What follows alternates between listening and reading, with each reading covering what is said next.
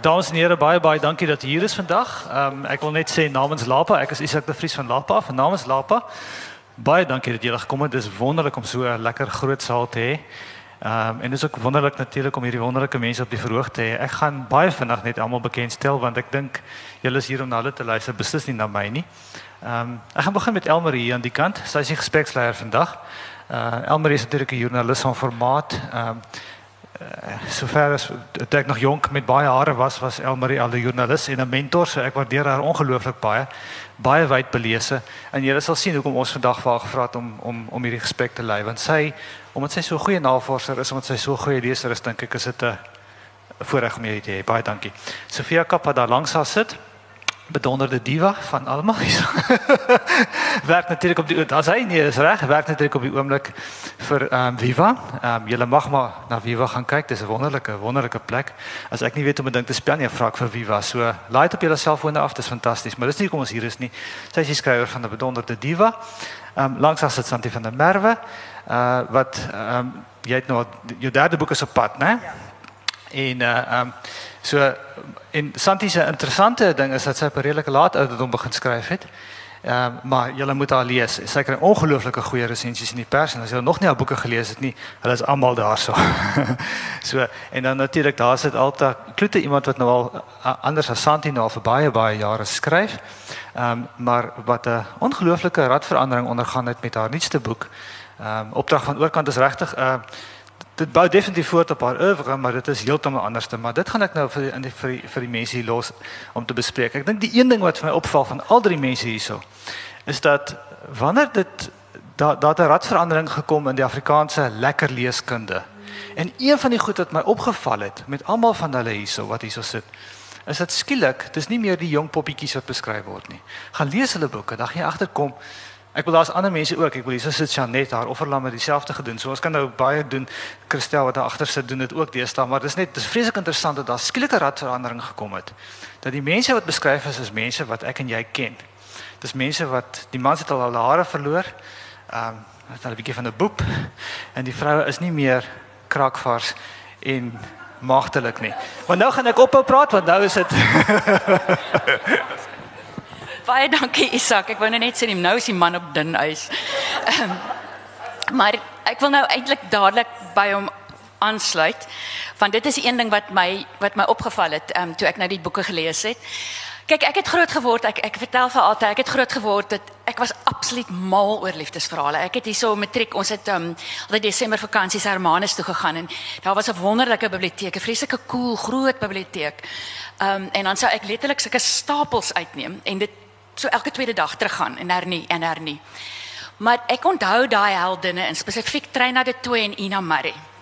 Daai heldinne het net 'n borsel deur hulle hare getrek en 'n vegie lipstig gesit en dan was hulle reg. Dit was vir my wonderbaarlik. Ek het dit baie hard probeer doen op universiteit, dit nooit gewerk nie. Hierdie heldinne, kom ons begin by Sofia Kap. Sy beskryf haar heldin wie se borsies lyk soos twee inkopiesakke met 'n appelkosie onder in elk. Ek bedoel, wat 'n fantastiese beskrywing. Santi ook ouer vrou al bietjie deur die meule Alta trouens sy noem sommer haar haar haar heldin bejaard. ek bedoel dis wonderlik dat mense bejaarde heldin kry met soveel vonk. So wat ek nou by julle wil weet is is dit doelbewuste keuses dat julle heldinne amper in julle peergroep val. Alta? Nou nie ehm, met jou nie, 'n ja. bietjie ouer, nou ja, ek weer op uit. Jy weet daai die hele ding van die bejaard pla my 'n bietjie want sy is nie so baie ouer as ek nie. Ehm um, vir my so mens begin nou wonder. Ehm um, vir my was dit nogal 'n besluit dat 'n mens nou self is jy nou nie meer heeltemal 21 nie en ek het ook ek is die jongste van 'n groot familie. Ek het ouer susters. So so ek is baie bewus eintlik van die van die ouderdom en van en dan tweedens wil ek net sê dat ek soos 'n mens ouer word besef jouself maar jy verander nie. Jy bly 'n mens jy bly 'n vrou. Ehm um, dis net die lyf wat verander. Santi? Ehm um, ja ek het geskryf oor 'n ouer vrou omdat ek voel hulle word nie so verteenwoordig soos die jonges nê en my kop kan identifiseer met met 'n ouer vrou. Mm. Met my 'n vrou van my ouderdom. Ja. So ek is nie meer heeltemal in 21 jarige se koppe nie. Ek kan my nie meer indink hoe dit is nie. So dit was vir my natuurliker om te skryf oor iemand wat ek ken. Ek het ja, ek het ek dink die hele ehm um, beweging en Isak is reg en jy wat, wat gesê het daar's daar's 'n beweging in Afrikaanse liefdesromans, maar ek dink wêreldwyd om om 'n ouer vrou te erken as 'n vrou en vir, dit is 'n vrou wat nog liefhet. En en ek dink die soort samelewing waarin ons woon maak dit duidelik dat dat liefde en verlief raak is nie iets wat net gebeur met 'n 20-jarige nie.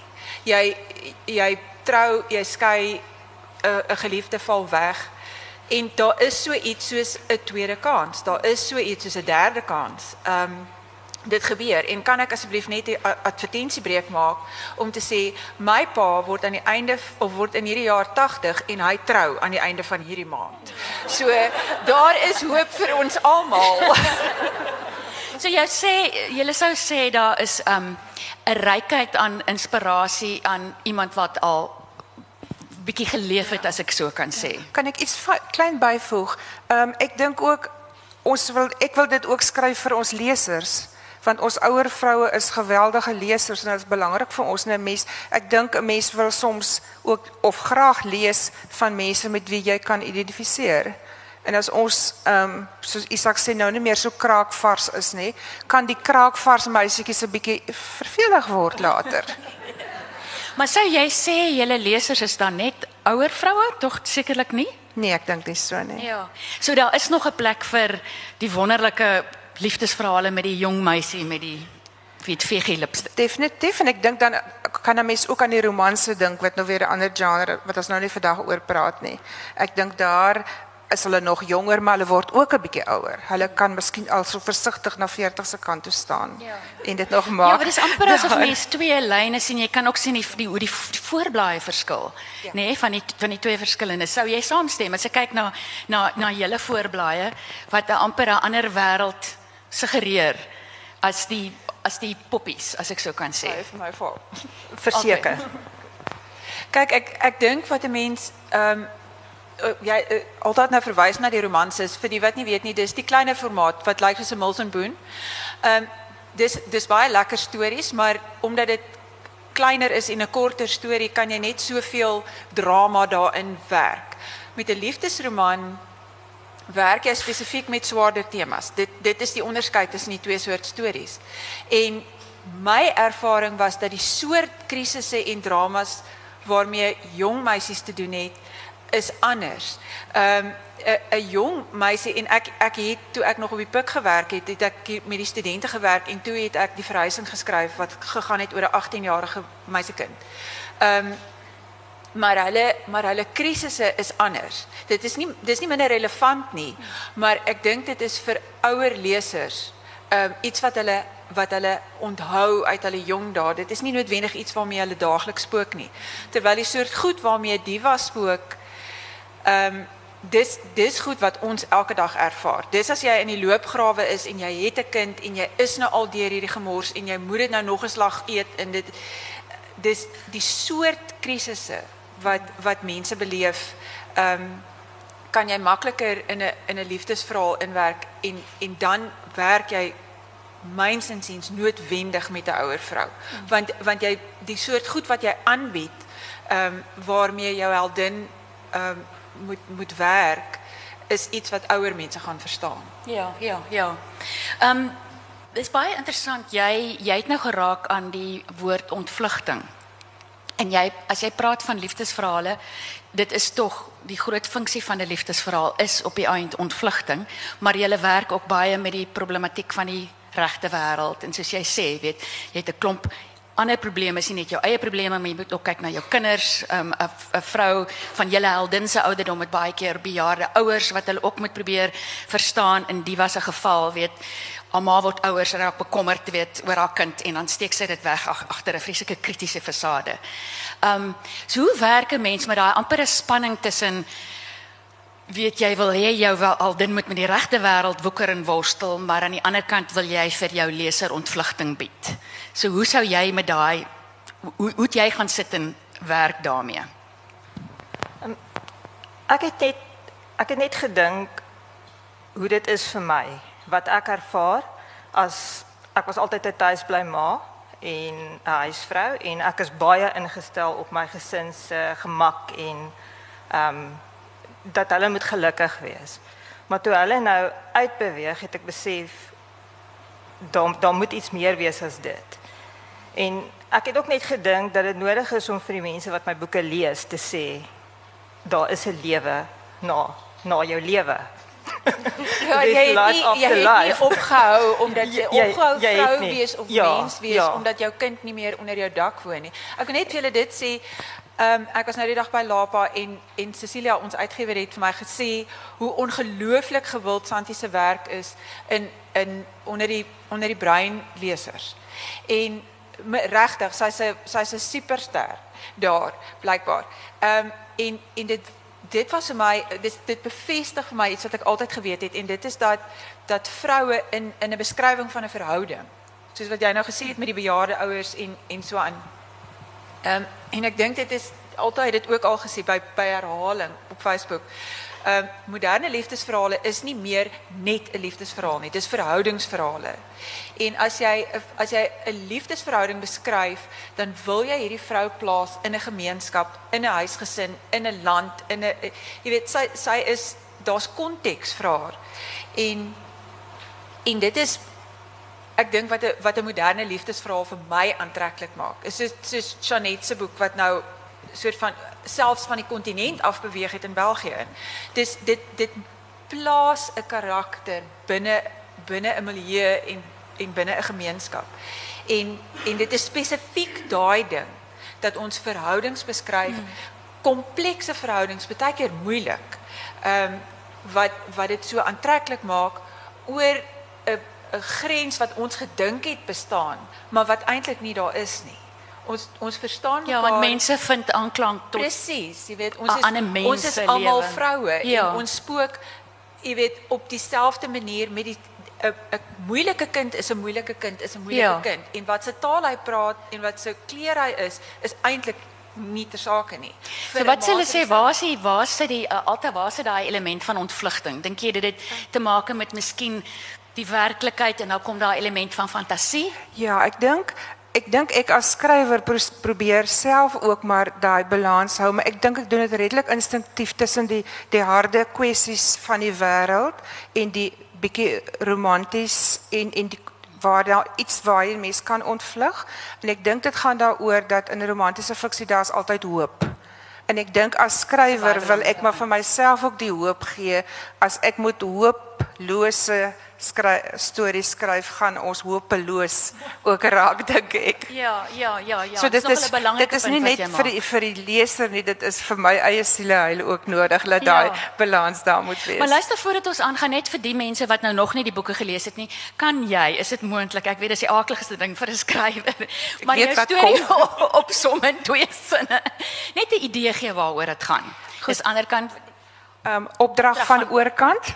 Dit gaan oor basies vier vroue, maar die hoofkarakter, dit word vertel uit Teresa se oogpunt. Sy is 70 jaar oud, sy's 'n boer in die Karoo en sy is die beneekte een in die in die titel van die oggend sy's 'n dwarsvrou met 'n sagte hart. En sy word saam met drie ander vroue in 'n situasie gegooi wat te doen het met 'n man wat oorlede is, maar wat hulle elkeen geraak het op 'n baie unieke manier. Dit was heelwat meer as twee sinne. uitstekend. Santi, Uh, my boek gaan oor Jessica wat haar man verloor vandat jy weg is. Wat haar man verloor en daar is iemand anders op die toneel. Maar sy weet nie wanneer is dit tyd om aan te beweeg na die volgende verhouding nie. So sy moet deur al hierdie goed werk en eers besef dat sy eers gelukkig moet wees in wie sy is en wat sy is voordat sy weer betrokke raak by 'n nuwe liefde wat haar weer gaan op 'n ander op 'n ander manier gaan definieer. mooi. Dis Sofia? is- dis eintlik maar dieselfde soort tema wat in my is, is daai is daai ding van wie is ek? Daai herontdekking van van wie is ek? Maar in in die was 'n geval ehm um, sy's sy's middeljarig. Daar's geen twyfel daar is sy's nie versigtig 30 nie. Sy's duidelik 40, klaar. Ehm um, en die boobs hang en so. Ehm um, en en ek spaar haar dit nie. Sy is wat sy is.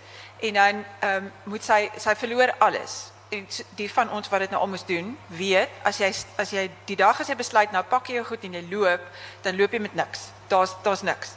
Ehm um, nie nie geld nie, nie goed nie, nie selfvertroue nie, nie niks nie. Jy jy dit wat jy was is oor, verby. Jy moet van voor af werk aan wie jy is.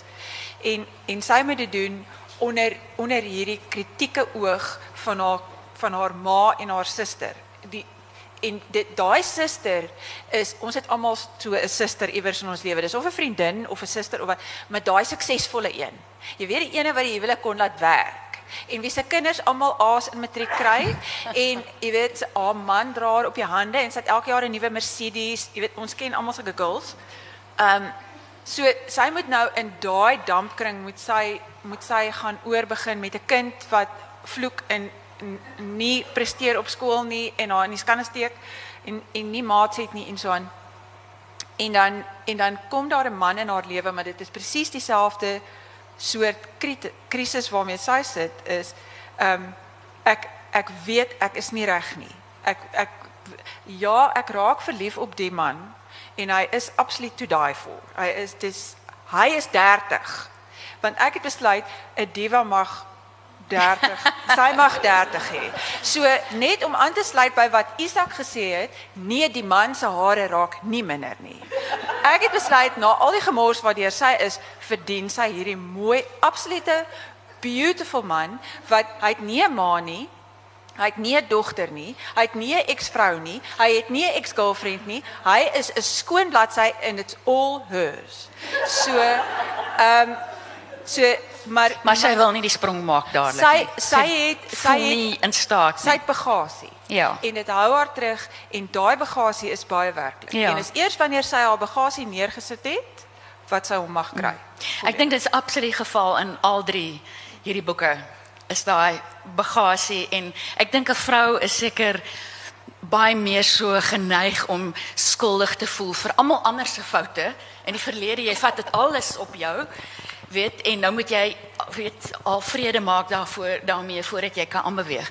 Maar Santi, ek wil na jou toe kom. Van die drie boeke het jy ek wil sê amper die intiemste ruimte geskep. Jy kry 'n gevoel van waar hierdie twee heldinne nogal partykeer larger than life is en persoonlikhede het. Partykeer verskriklik aggressief, negatief. Soms aggressief, positief.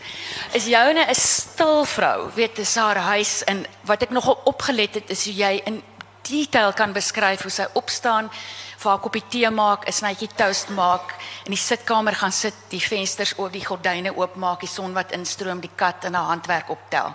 Dit is dit het my partykeer laat dink aan hierdie Vermeer, hierdie Hollandse skilderye van 'n vrou wat so sit met haar absolute stilte. Ehm um, daar was my ook woelinge, ou kan ek sê energie aan die werk, want in daai stilte was daar 'n helse klomp spanning. Daar's een plek byvoorbeeld waar hierdie twee baie meer sou ontplof. Sou daar daai heldin in die bed klim en haar so half opkrul. So hoe werk jy met daai ruimte? Ehm um, is dit vir jou belangrik om ruimte amper ek wil nie sê karakter ja, kom ek sê 'n karakter te maak. Dit word amper 'n karakter in die boek. Uh, dit is die tipe boeke wat ek hou van om te lees. En dit is hoe ek is. Ek is ek ek raak stil as ek worstel met goed. Ek gaan sit stil en ek doen handwerk en ek klim partykeer in die bed. Ehm um, so ek het baie in myself gedelf Ek het nie naaste by dieselfde probleme as my karakter nie, maar ek kan my voorstel hoe dit moet wees. So as ek nie verder geweet het nie, het ek haar laat doen wat ek sou doen. As dit jou vraag antwoord. so die die die ruimte die ruimte om my is deel van my. So ek voel dit was maklik om dit deel van haar te maak. Want dis wat ek ken. Maar dit was interessant ook toe sy begin uit haar dop kruip dat sy verandering maak ja, van ruimte. Ja, dit is dit is wat ek ook doen. ja. En altyd jy het weer heeltemal iets anders. Jy het die Tankwa Karoo, daai droogheid, plaas, perde, ja. diere, honde. Ja, en ek ek Maar jy kom maar self van die Roggeveld ek af, ek né? kom van die Sutherland. Roggeveld af. So ek dink dit kom daarby uit dat 'n mens ek persoonlik dink 'n mens skryf die beste oor wat jy self goed ken. Ehm um, ek kon nog nooit gaan Google oor 'n plek net en iets skryf daaroor nie want ek al het 'n mens die feite, jy het nie die emosie, die gevoel wat die wat die Karoo byvoorbeeld vir jou gee nie. So my stories is maar geneig om tussen die Karoo en die Boland te te fluktueer. En Sofia, jy skuif van Pretoria ook 'n ruimteverskywing, né? Pretoria na ene Boekenhoutskloof, 'n klein ja. One one horse town in ja, die Vrystaat. Ek het hom self opgedroom, maar Boekenhoutskloof is eintlik maar Clarence.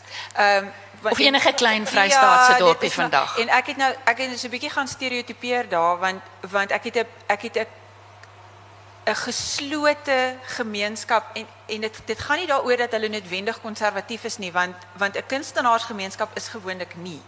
Daar is dit dit dit, dit is so 'n bietjie meer behoudend, maar maar dit gaan daaroor dat almal se neuse die hele tyd in almal se sake is en dat die ma begaan is oor hoe almal skinder en dat 'n skinderstorie wat wat hulle nou spesifiek raak wat eintlik al 30 jaar gelede verby is, ehm is nog steeds relevant terwyl in 'n groot stad verdwyn sulke goeters. Jy weet goeters wat jou verlede jaar nou nog verskriklik ontstel het, het mense hierdie jaar nou het van vergeet, jy weet.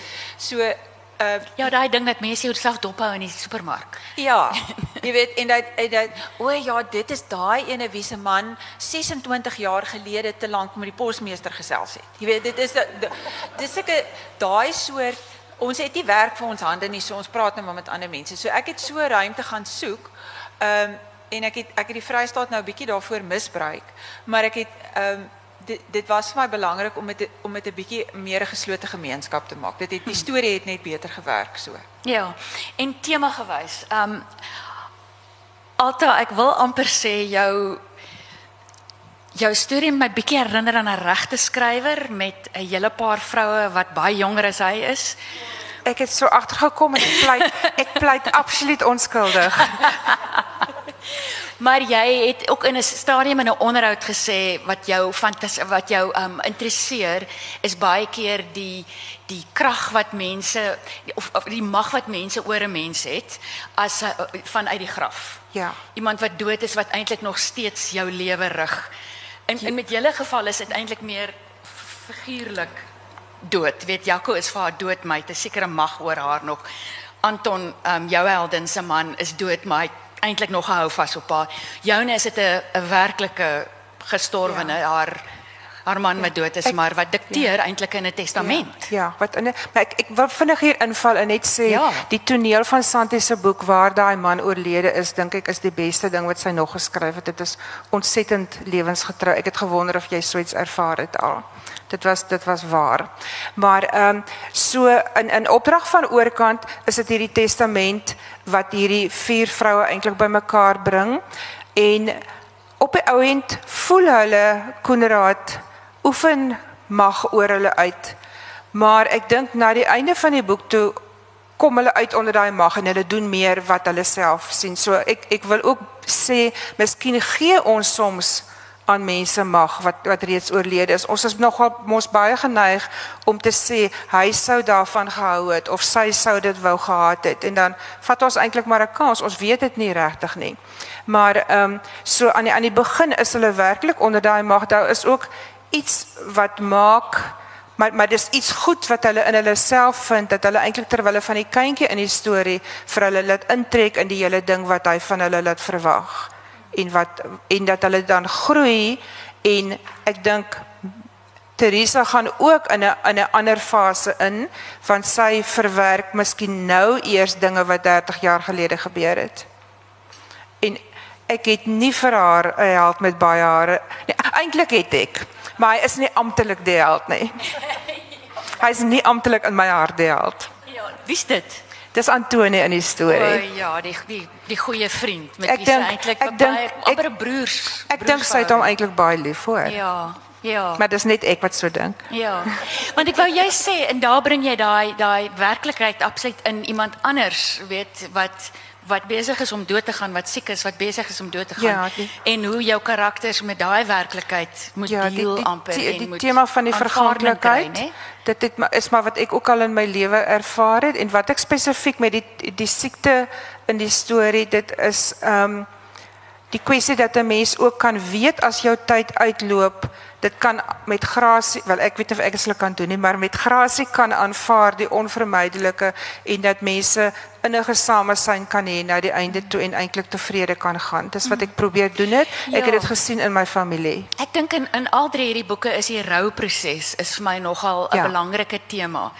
Weet hoe mense met mense rou, jy rou en ek dink jou um karakter Simon hy sê dit in 'n stadium, jy rou oor verhoudings wat verby is en jy moet deur 'n proses gaan. Santi, jy het 'n baie mooi um toneel geskets waar um jou heldin staan voor die voor die klerekas en skielik dink sy "Ho- hoe lank is 'n rouproses? Eh, Moet ek nou nog aanhou swart dra? Wie gee vir mens die weet die die aanduidings van wat jy moet doen? Jy weet nie, dit is iets wat jy in jouself moet vind.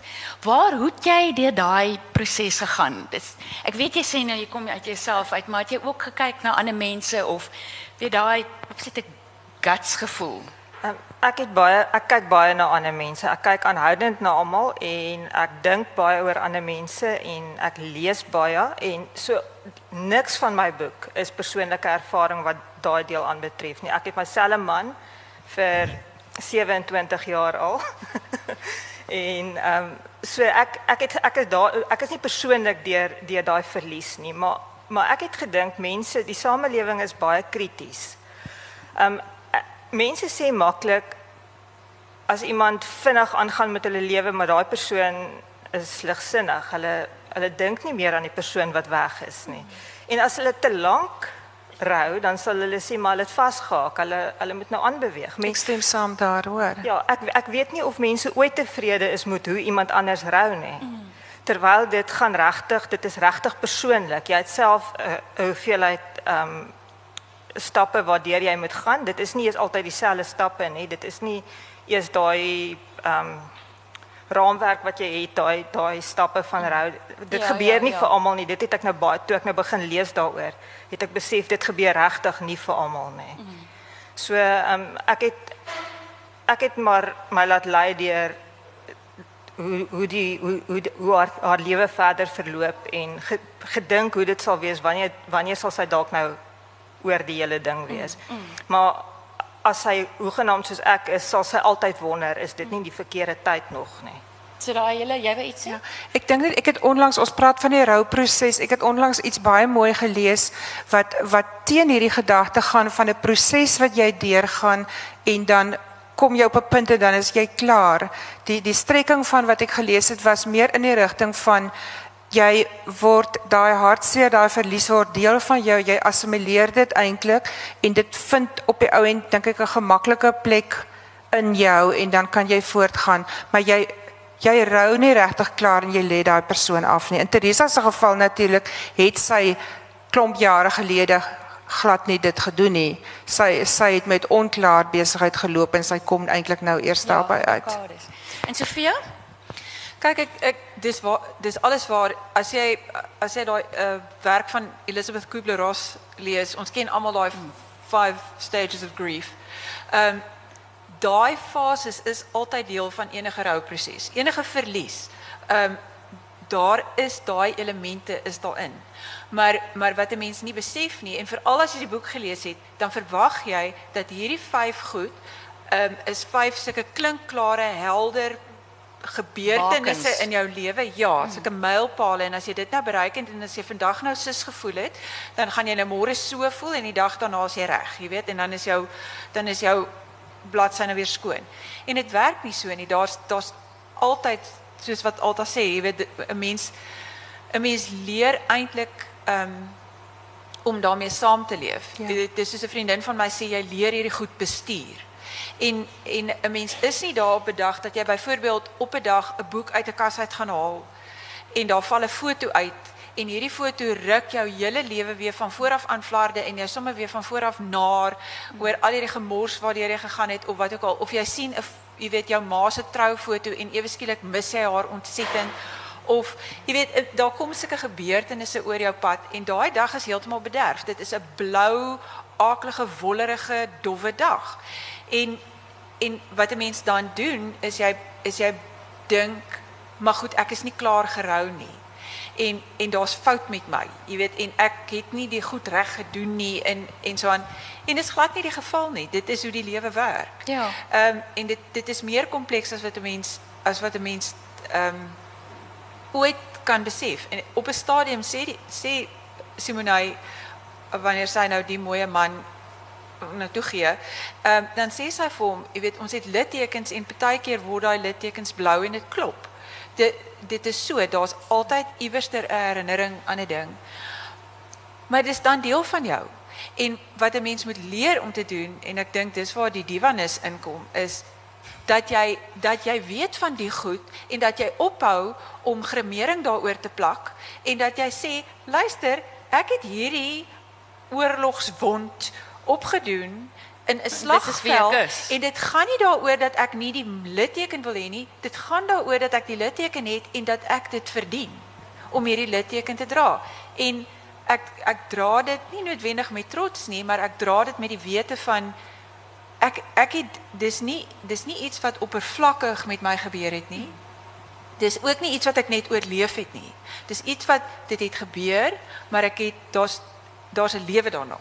Daar's dis nie dit was nooit die einde nie. Dit was altyd deel van 'n proses wat loop. Ja, dit is wat kan wat jy ek kan ek ietsie byvoeg? Ehm um, ek dink dis dis daai littekens wat die ouer karakters interessante karakters maak. En unieke Maar ek wil nou daarby kom. Ons praat nou van littekens, ons praat van die meneerkant van die lewe.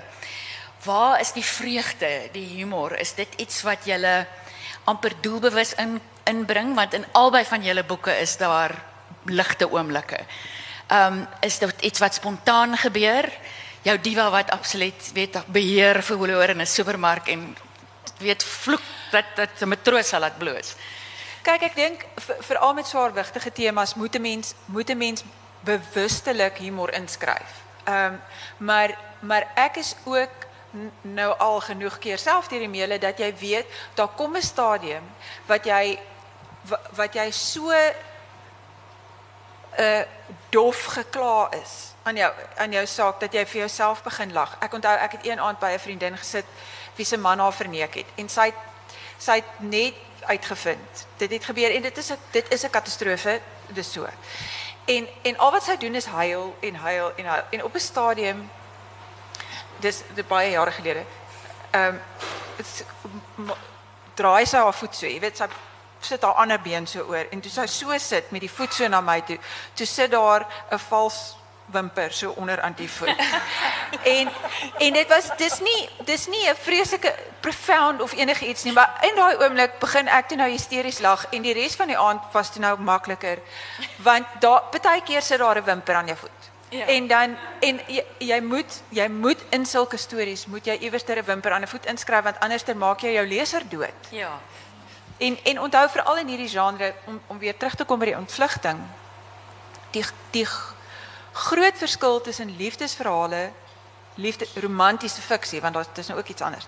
Maar tussen romantiese fiksie en en 'n gewone sê net maar 'n literêre boek want dit is heeltemal moontlik om daai selfde storie van daai selfde storie letterkunde te maak. Nie deur my nie, maar deur iemand beters. Ehm um, is die die groot verskil is die die leser tel vir Diva op en weet die oomblik as as Simonay vir Barnard Rigter in daai supermark sien weet die leser dis die man. Daar's nooit enige twyfel oor nie. En jy mag die leser ook nie laat twyfel nie. Dis dis absoluut onder duims om 'n om 'n mooi man van 'n leser af weg te skryf aan die einde. Doen dit nie. Dis onvergeeflik. Jy's jy sy sal jou nooit vergewe nie, dit mag ook nie. Ehm um, maar maar dit is dit is waar die hoop gedeelte inkom. Is jou leser weet.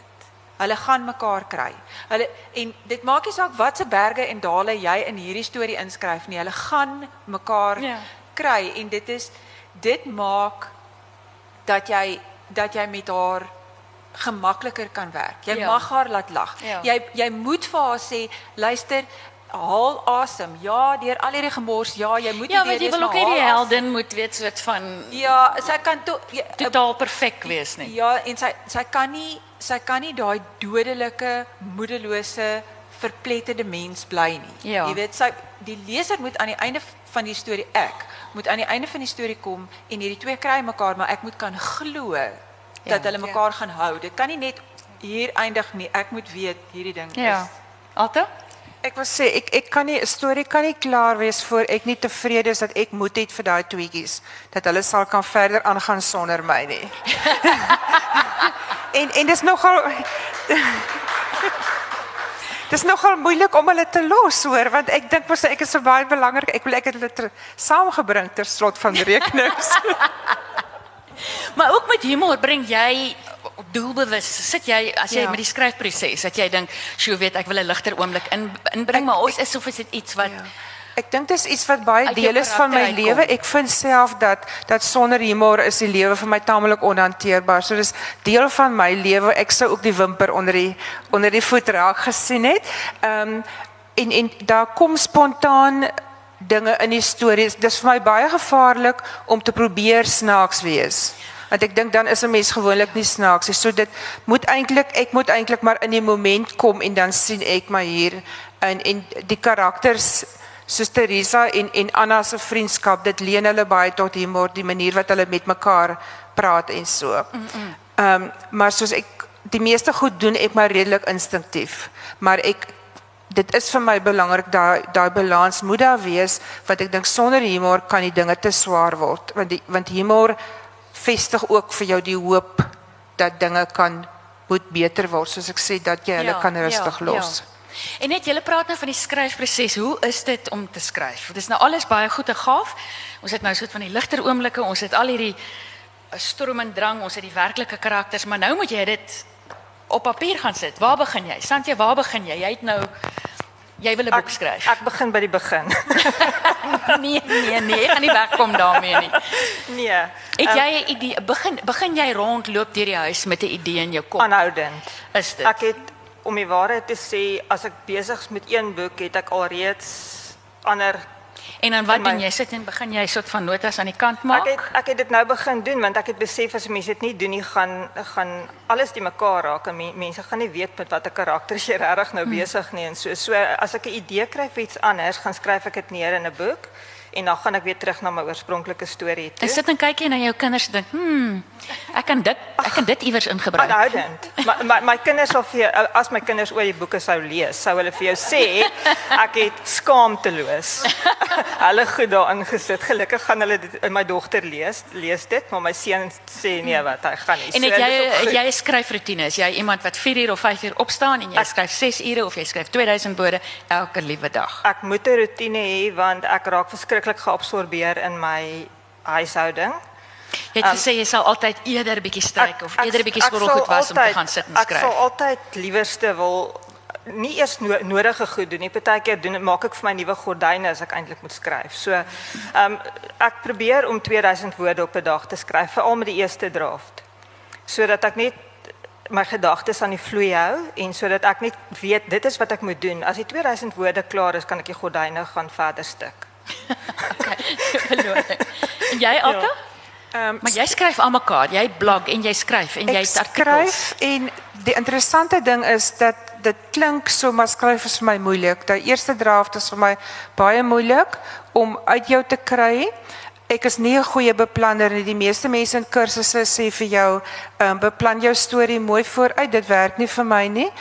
Ek begin met 'n karakter.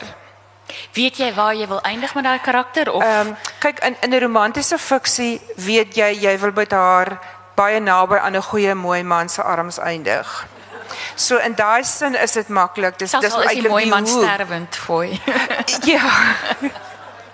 So ek dit opdrag was moeiliker. Opdrag was moeiliker. Ek het nie geweet waar ek wil eindig nie. Ekskuus, ek wil nie gou daar onderbreek, ja. maar interessant hoe jy vir my sê, ek het net vir hulle elkeen gevra soort van wat het hulle gedoen?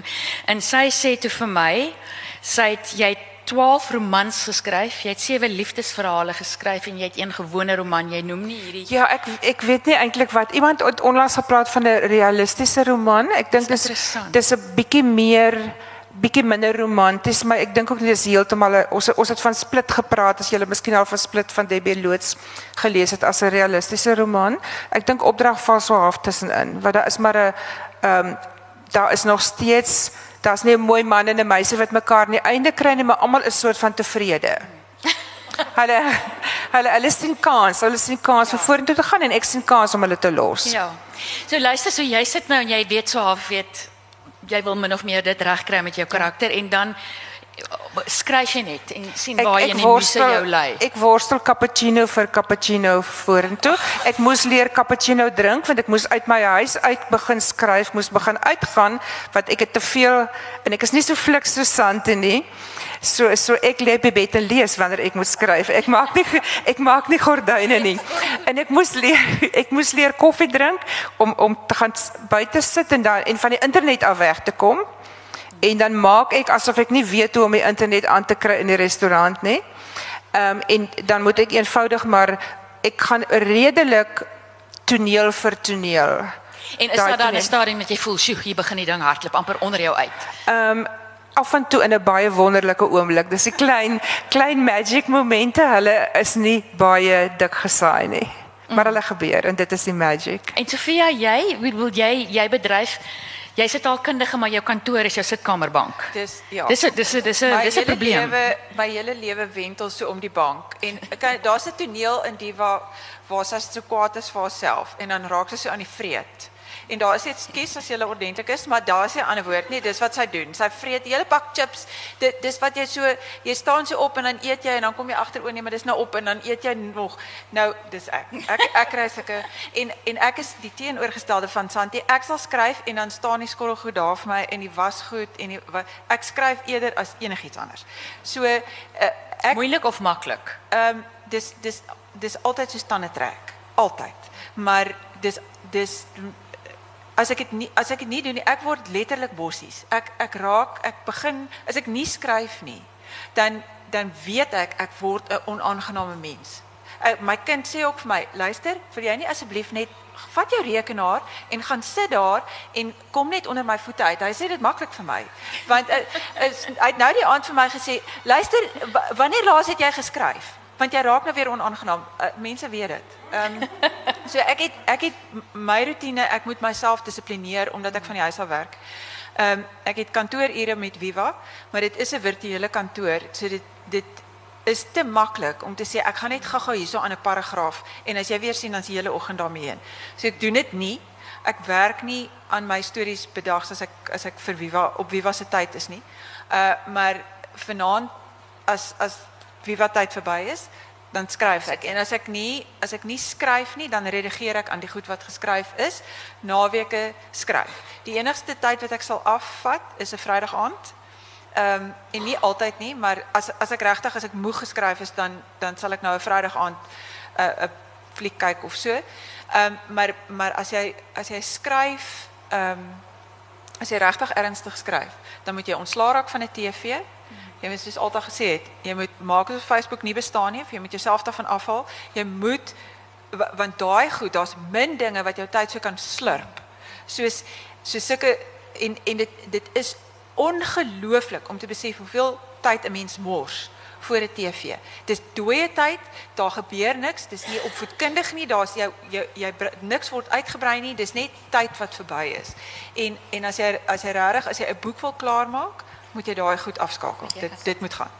En inspirasie, is jy 'n soort van is jy gaan soek jy inspirasie in byvoorbeeld ander skrywers wat in julle genre skryf of sal jy byvoorbeeld eerder 'n Dion Meyer gaan lees net om amper jou kop skoon te kry en tussen werk jou agterbrein amper met 'n met 'n knoop in jou eie skryfwerk of gaan jy letterlik jy lees skrywers en jy dink, "Sjoe, dis 'n styl wat ek wil probeer" of dis 'n interessante Ja, nee, ek ek lees alles wat voorkom. maar ek dink nie doelbewus. Ek kan wel sien ek ek ek is weer geneig om te dink, "O, oh, ek gaan dit nooit so kan doen nie." dis dis daai negatiewe kant. So, ehm um, ek dink 'n mens mens lees en en jy leer die hele tyd, maar ek dink jy moet maar jou eie ding doen. OK. Santi? Um, ek lees ook vreeslik baie terwyl ek skryf ook. Ek ek lees altyd, maar ek lees nogal ek ek skryf wat ek graag sal wil lees, maar ek lees ook baie verskillende ehm um, verskillende soorte boeke. Maar en vind jy dit as jy soms skryf dat jy dink, "Sjoe, maar so en so het hierdie probleem op hierdie manier opgelos?" Ehm um, nie regtig nie, nee. Ek dink ek het redelik my ek het ek het gedink ek moet my eie styl kry en ek het geskryf soos wat ek gedink het en dit het gewerk. So ehm um, dit is die tipe boeke waarvan ek sal hou, maar dit is nie noodwendig wat ek wat ek heeltyd lees nie. So nee, maar ek kry inspirasie op ander plekke. Ek kry dit in gesprekke. Partykeer weet ek nie weet ek nie wat's volgende vir 'n karakter nie en dan sit ek in 'n koffiewinkel en ek hoor 'n gesprek agter my en ek kry die oplossing. O, ja, ja, ja. So die inspirasie is van is regtig van of jy hoor 'n gesprek oor 'n radio oor die radio hmm. en jy weet praat en, van hoe staan jy in 'n supermark tou, weet en baie keer ja. staan en luister jy oor vorentoe en agtertoe. Ek ek ek ek ehm um, luister en ek kyk want as iemand hulle as iemand met 'n mandjie voor my staan, probeer ek altyd dink wat wat wat is dit wat hulle koop? Is dit 'n hmm. spesiale ete wat hulle gaan maak of is dit nou gewone huis die die gewone kruideniersware. Ek probeer altyd dink wat gaan gebeur en as dit 'n ja. ouer tannie is en daar is meel en botter en eiers en suiker, dan wonder ek of haar kleinkinders kom kuier of sy gaan koekies bak ja. en so. So die inspirasie is regtig oral. Ek um, of hou jy ook op lees as jy uh, skryf? Ek ek dit een van die goed wat jy gevra het is lees 'n mens ander mense en dink dis hoe ek wou skryf. Dis een van die gevaarlikste goed wat jy kan doen om om jy weet een van jou gunsteling skrywers se styl te probeer namaak. Die die belangrike ding is dat jy jou eie stem moet vind. Ehm um, en want dit is hoe jy dis wat Santi gedoen het, dis wat wat Alta gedoen het, dis Christel is ook so. Sy het 'n sy het 'n unieke styl. As as haar naam nie buite op die boek staan nie en ek maak die boek oop, gaan ek weer eens haar boek. Maar nou wil ek gou vra, is dit iets wat 'n mens ontwikkel of is dit iets wat jy is, wat ek probeer sê, is dit iets wat jy al skrywende ontwikkel dat jy skielik agterkom maar stem, dit is deel daarvan. Um, in my boeke byvoorbeeld het ek aanvanklik was ek redelik ordentlik en soos wat dit aangegaan het, het die onordentlike gedeeltes begin nou deurskemer. Ehm um, ek probeer dit in hou, maar dit werk nie altyd lekker nie. Maar maar ek dink dit is dis belangrik dat jy dat jy dat jy jou die skrywer in jou moet los dat dat sy skryf wat sy wil. Ehm um, en en oor die oor wat Santi gesê het die die ek dink die instrument in 'n skrywer se hand. Daar's twee instrumente in jou hand wat wat jou kan onderskei. Die ene is jou waarneming. Dit dit wat jy bereid is om raak te sien wat om jou gebeur want in die kleinste onge jy weet onopvallendste situasie is daar iets wat in 'n storieboek kan ingaan. So jy weet almal het al geleer hulle is versigtig wat hulle rondom my sê want alles alles is fair game. Ehm um, en en die ander instrument in jou hand is die taal. Ja, ja. want dit is dit is waarmee jy 'n storie moet oordra. En dit is dit is waar my werk wat heeltemal 'n linkerbrein aktiwiteit is, soos hoe jy spel en en so aan. Ehm um, het het dit vir my makliker gemaak om die storie te vertel. Die, jou beheer oor jou oor jou oor die taal wat jou instrument is, maak dit nou uiteraard vir jou makliker om om goed te skryf. Ehm um, net net om om met die waarneming gedeelte by om om vir julle te skets hoe dit werk is ek was die naweek wat verby is nooi 'n vriendin van my my na 'n uh, uh, dis 'n Saterdagmiddag en sy sê vir my ag kom asseblief saam met my. Ek is nou genooi na hierdie ding toe. Dis 'n voetbehandeling ek weet nie wat nie iets. By iemand se huis en kom woon nou hierdie ding saam met my by. En jy weet, ek is ek is die geskeide enkelma in die meentuis kompleks wat ken met die een hond en die een kind en ons soort van oorleef en so aan. Daar's geld vir kos, maar niks meer nie. En ek beland in hierdie die van julle wat Pretoria ken sal nou weet waarvan ek praat. In jy weet daai landgoed wat jy so die kode nodig het om by die hek in te kom. So en daar's 3 motorhuise en in die een staan daar 'n Porsche en in die ander een staan 'n hm. en dit is so glad nie, glad nie, glad nie my styl nie, glad nie.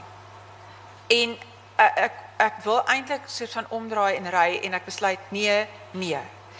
Dit is 'n dit is 'n geleentheid om waar te neem. en ek stap daarin en ek ken gelukkig niemand nie buite na my vriendin, dis haar kennisse. En ek gaan sit en die ene begin oor jy weet my kind se Afrikaans onderwyseres. Ek is so vies vir die vrou. Ek het sommer die skoolhoof gebel en gema en die een ja, maar ek het net dieselfde met my kind se fisies ekstra klasse. Hm.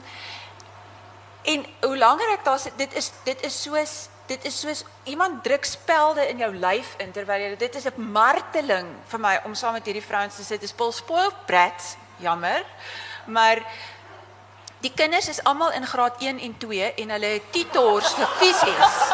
Jy weet, my kind is in matriek en al wat ek vra is, is jy huiswerk gedoen? Ja, ma, en dit is die omvang van my betrokkeheid by sy ek hy moet hier kom. So dis dis 'n ander lewe, dis 'n ander wêreld, dis 'n dis mense van 'n ander planeet af hierdie. Maar Maar ek het daar gesit en elke speld wat elke vrou met elke woord in my lyf ingedruk het, het ek gevat want iewerster gaan al daai tiewe. Julle sal weet wat is die tiewe. Is hulle gaan almal in 'n storie in ek geval elkeen daar inskryf tot daai ene wat oor die Afrikaans nee, ek nou vra watter boek is hulle? daai ene wat so lelik was met die Afrikaans juffrou, ek gaan vir haar inskryf met haar ingetekende wenkbroue. Nou toe, julle, op daai noot is daar enige vrae uit die gehoor uit. Sjoe. Wat is wil daai Ek wil eers sê ek dink is nodig dat jy wanneer jy klaar is met 'n boek dat jy deeglik afskeid neem van die persoon met wie jy besig is, dat jy moet heeltemal 'n nuwe uh skoon bladsy begin. Kyk, ek dink dit dit is moe, dis moeilik en wat jy wat jy sê is ehm um, baie relevant. Maar 'n mens moet ook toegee dat 'n enige skryfsel is 'n produk van 'n bepaalde persoon se gees. So as as ek byvoorbeeld as ek Nora Roberts lees, dan verwag ek nie dieselfde vrou nie, maar ek verwag dieselfde tipe heldin. Ehm um, as ek as ek Lavelle Spencer se goed lees, haar heldinne lyk like anders. As ek as ek uh, Rosamund Pilcher se se heldinne is 'n Engelse dames. Nie heeltemal 'n dame, dit is daar's daar's 'n bepaalde geaardheid aan aan elke skrywer se styl en ehm um, dit is eintlik 'n bietjie onvermydelik dat daai dat daai skrywer se opvatting oor wat 'n vrou is vir albei liefdesromans, wat 'n vrou is, wat 'n held is en so aan word ingeskryf. Ehm um, ek dink dit is 'n skrywer en 'n uitgewer se plig om om 'n bietjie ehm um, hekwagterskap toe te pas daar dalk en dis dat die uitgewers en en die die uitgewer vir wie ek skryf is kwaai. Jy weet sy sal vir my sê, "A a, nee nee nee." Ehm um, en en dit is waarvoor daar 'n keuringsproses is dat die keerder vir jou kan sê, "Luister, maar die vrou praat mos nou net soos die vorige ene."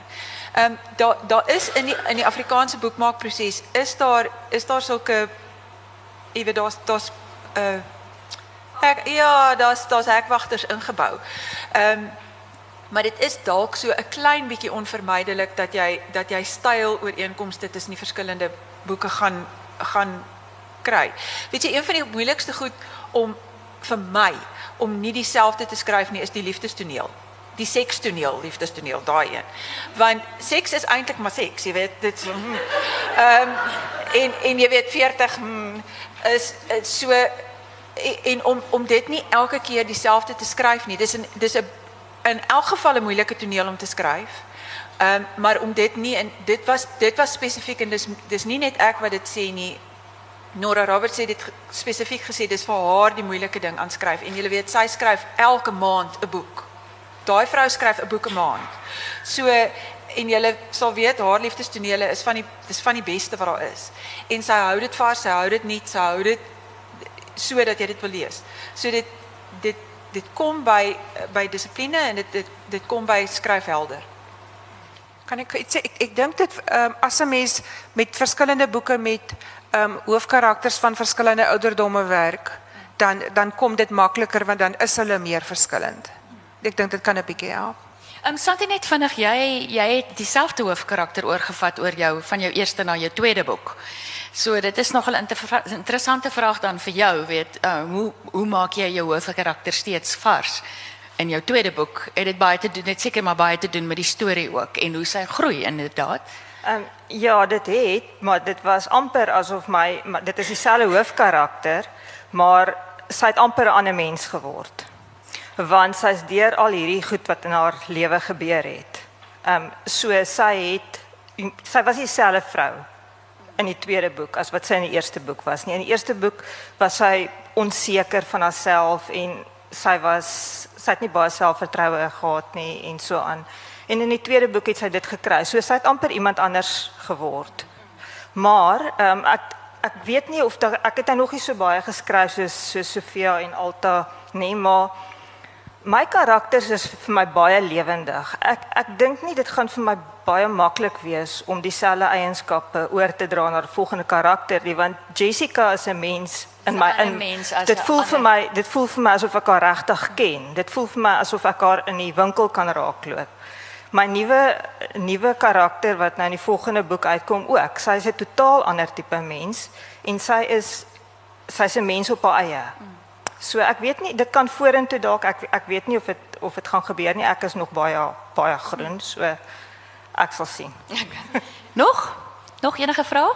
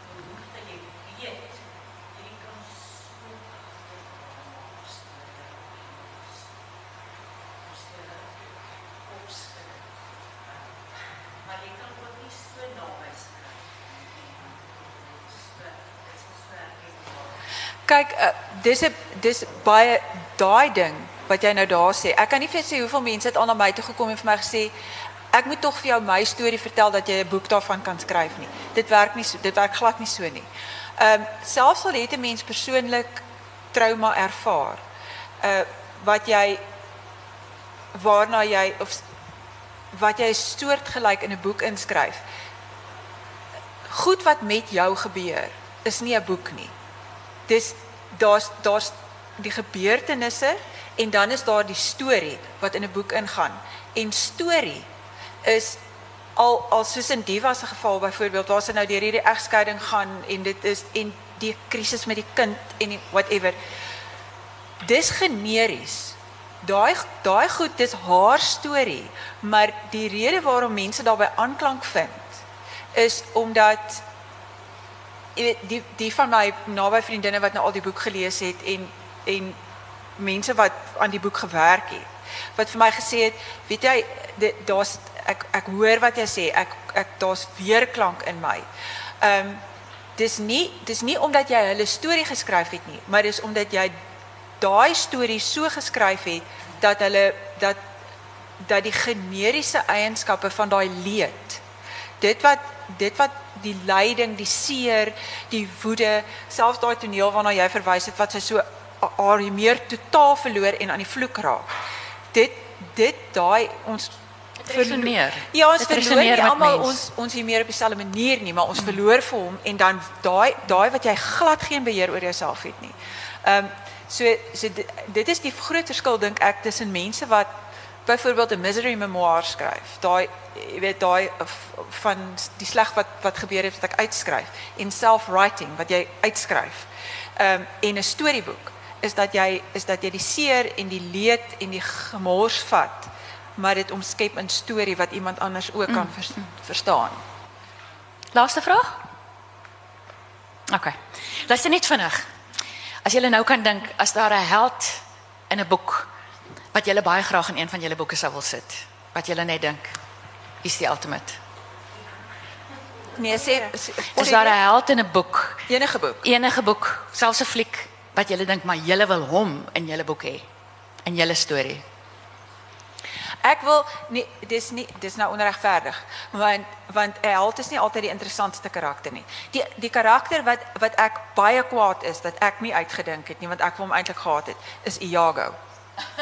En Othello, die die amper sê ek die poepel. En Othello, hom ek wou hom gehad het. Um, ek probeer nou dink wat is sy naam en ek kan dit nie eens onthou nie, maar die hoofkarakter in Mad Men. Ek Don Don Don wie? Don Draper. Don Draper. Don Draper. Um, ek sou ek sou Don Draper wou Okay. gehad het. Alta? Enige man wat lank en donker is is reg vir my. Ag, dis sy.